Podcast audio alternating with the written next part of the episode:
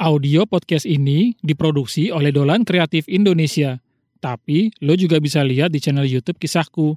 Oh iya, jangan lupa subscribe juga channel Kisahkunya ya. Darto, ayo ku ajak cara instan menjadi kaya raya dalam sekejap. Tawarnya padaku. Kita mau mencuri atau merampok bank ya?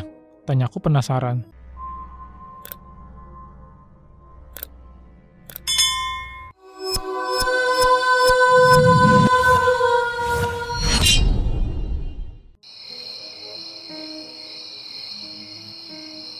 Zaman yang sudah modern seperti sekarang ini, mungkin banyak orang sudah tidak percaya pada hal-hal gaib, terutama orang kota. Mereka telah sibuk dalam gemerlap kebisingan dan tumpukan pekerjaan. Awalnya, aku juga tidak percaya pada tahayul dan hal gaib yang sering ditayangkan di televisi. Aku menganggapnya hanya lelucon para sutradara film untuk mengumpulkan pundi rupiah.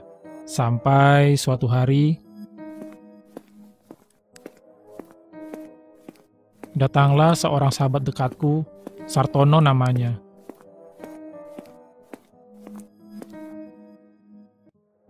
Dia mengajakku ke suatu tempat. Darto, ayo ku ajak cara instan menjadi kaya raya dalam sekejap, tawarnya padaku. Kita mau mencuri atau merampok bank ya? Tanyaku penasaran. Hahaha, ah kau ini dangkal sekali pemikiranmu. Mau mati konyol digebukin warga atau mau dijeblosin ke penjara sama polisi? Jawabnya sambil tertawa terbahak-bahak. Terus, kita mau ke mana malam-malam begini? Tanyaku lagi. Sudah, ikuti saja aku. Tak usah banyak tanya. Katanya menampik rasa penasaranku.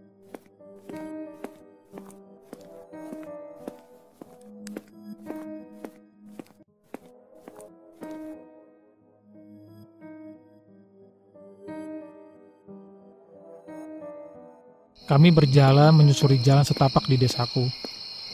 Melewati ladang penduduk.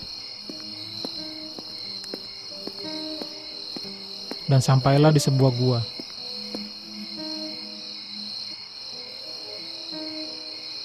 Sartono menghidupkan senternya dan kami pun masuk ke dalam gua. Hawa dingin, lembab, dan pengap mulai kurasakan.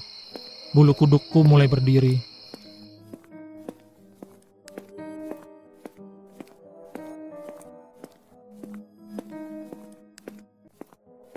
Kami duduk bersimpuh di tengah gua, sampai datanglah sebuah asap putih tebal menghampiri kami.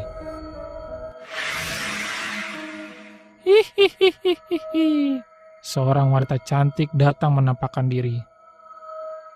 Aku tahu manusia maksud kalian ke sini, katanya sambil menatap kami. Iya nih, kami ingin kaya. Apa yang bisa kami lakukan?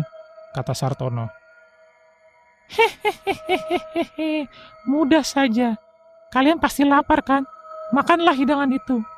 Katanya sambil menunjukkan ingkung ayam di meja batu. Tanpa pikir panjang, kami pun makan ingkung ayam itu.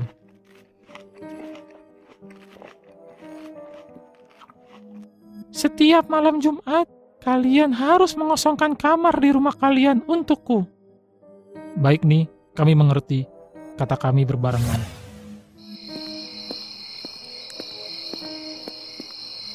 Kami pulang dengan hati riang, perut kenyang, dan kami terbayang sebentar lagi akan menjadi orang kaya dan terpandang.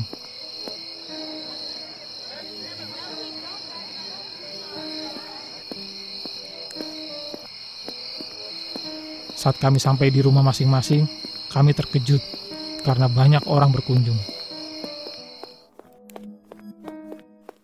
Aku mendapati anakku si bungsu yang masih bayi terbujur kaku tak bernyawa. Melihat apa yang dialami Darto, Sartono pun langsung bergegas pulang. Aku pulang dulu ya. Apakah ini karena aku tadi di gua makan ingkung ayam? Pikir Darto bertanya. Hatiku sudah ditutupi nafsu akan kaya.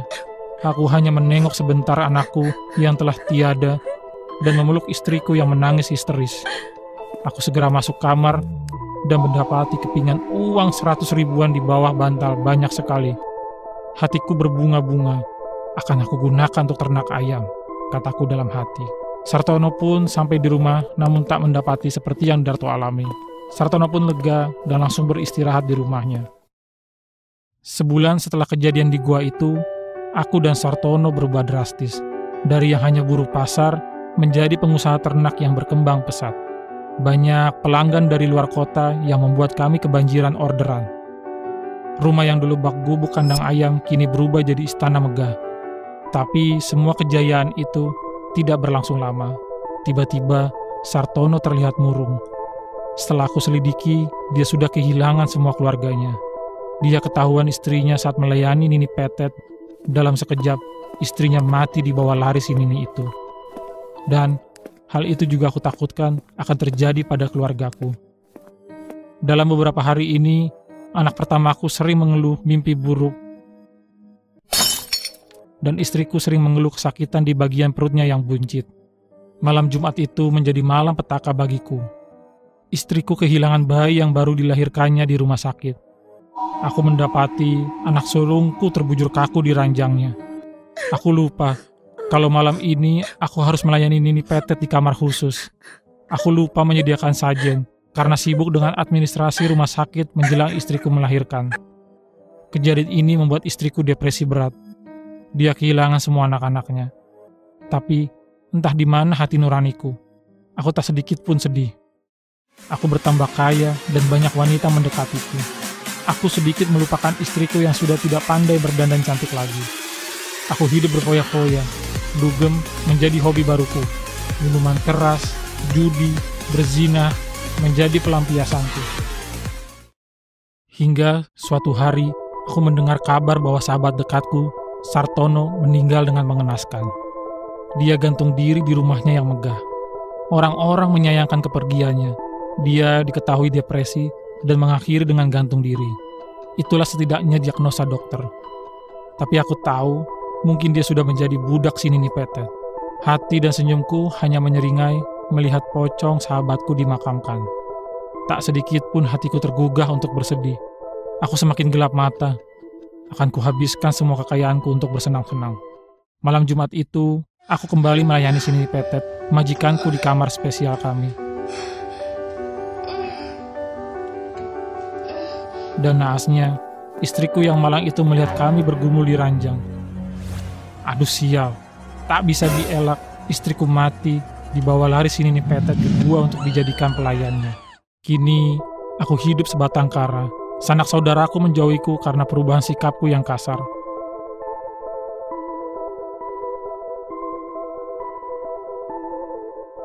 Suka marah dan berbuat kejam. Hatiku telah terbelenggu setan. Aku tak peduli pada siapa pun. Dalam benakku, hanya kesenangan dunia yang ingin ku genggam rapat-rapat. Sudah tujuh bulan aku hidup sendiri di rumah mewahku. Hidupku mulai terasa hampa, hanya harta yang ada di benakku. Namun, di hati paling dalam, aku terkadang merasakan dosa-dosa yang kuperbuat setiap hari melintas di otakku. Aku pun tak mampu menghilangkannya.